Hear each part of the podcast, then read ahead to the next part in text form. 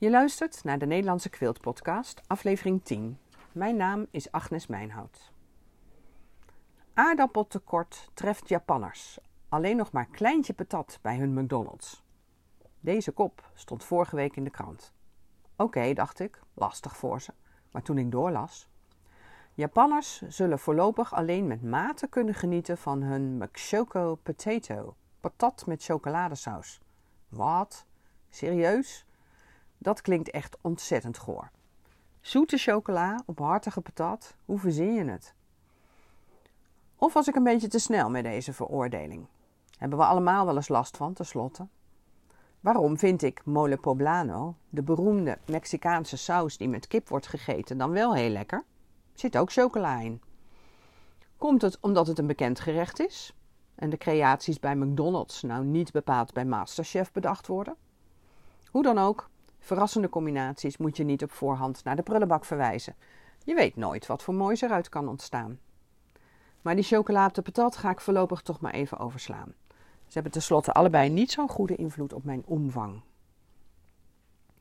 Gelukkig kun je in patchwork je voorliefde voor ongewone combinaties uitleven zonder een aanslag op je hart en bloedvaten te doen. Veiligheid voor alles is daar juist niet het devies. Behalve natuurlijk dat je niet in je vingers moet snijden. Heb je nou net uren besteed aan het zoeken van precies die ene kleur rood of blauw en de precies erbij passende neutrale achtergrondkleur? En koop je vooraf ruim voldoende stof om zeker te weten dat je aan het eind van je project niet tekort komt? Dat je je rolmes van razernij wegsmijt omdat je onmogelijk de laatste stukjes patchwork uit dat miserige overgebleven reepje stof kunt snijden? Zet dan eens een andere bril op. Als ik van mijn huis naar Utrecht rijd en ik kom langs Amelisweert, geniet ik van de bomenrijen langs de Kromme Rijn. Daar zie je tientallen kleuren groen. Helder en licht, donker, grijziger, met een beetje bruin of meer olijfgroen, alles door elkaar en het is prachtig. Ons oog houdt er niet zo van als je alles in één keer kunt overzien. Het is fijn als je steeds weer iets anders ontdekt. Anders zijn we heel snel verveeld.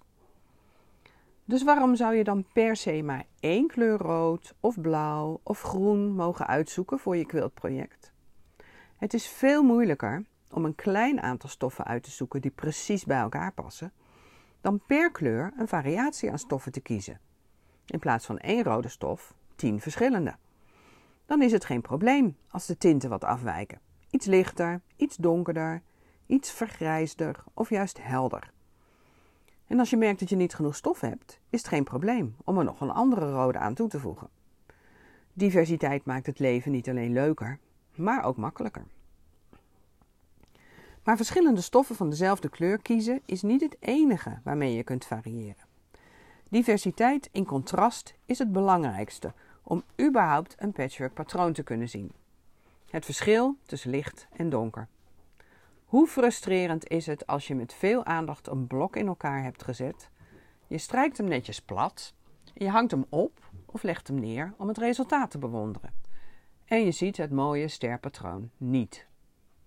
Die stofjes die van dichtbij zo mooi waren, blijken er van afstand allemaal hetzelfde uit te zien.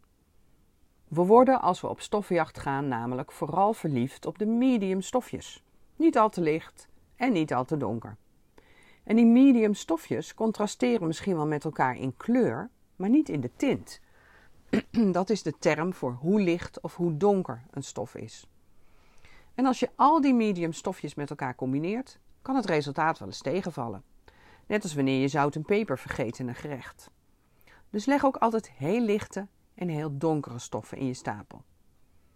En hoe weet je nu of het contrast genoeg is? Tip: leg je stofjes naast elkaar, maak een foto met je telefoon op zwart-wit instelling en je kunt het contrast perfect zien. De derde manier om diversiteit in je project te brengen is door te variëren in de grootte van de print op de stof. Je hebt natuurlijk effe stoffen, die alleen uit een kleur bestaan, maar de meeste stoffen hebben een printje, klein of groot. Wissel kleine printjes af met grote, of gebruik hier en daar een effe stof, of een streep een ruit. En het is heel verrassend als je een grote print in stukjes snijdt. Het is onvoorspelbaar wat er in ieder stukje stof terechtkomt en daardoor krijg je een spannend geheel, terwijl de stukjes toch goed bij elkaar passen qua kleur. Ze komen tenslotte uit dezelfde stof. Nog even op een rijtje. Drie manieren voor grote diversiteit in je quiltproject. 1. Neem per kleur verschillende stoffen in plaats van één stof. 2. Zorg voor voldoende contrast tussen licht en donker. En 3. Varieer in de maat van de print. Je quiltprojecten zullen je dankbaar zijn. Binnenkort lanceer ik de eerste online trainingen in patchwork. En natuurlijk help ik je ook bij de keuze van kleuren en stoffen. Wil je weten wat er voor trainingen komen? Meld je dan aan voor mijn e-mailbericht op mijn website. Dan hoor je als eerste wanneer je aan de trainingen mee kunt doen. En wil je nog meer weten over quilten en patchwork? Abonneer je dan op mijn podcast.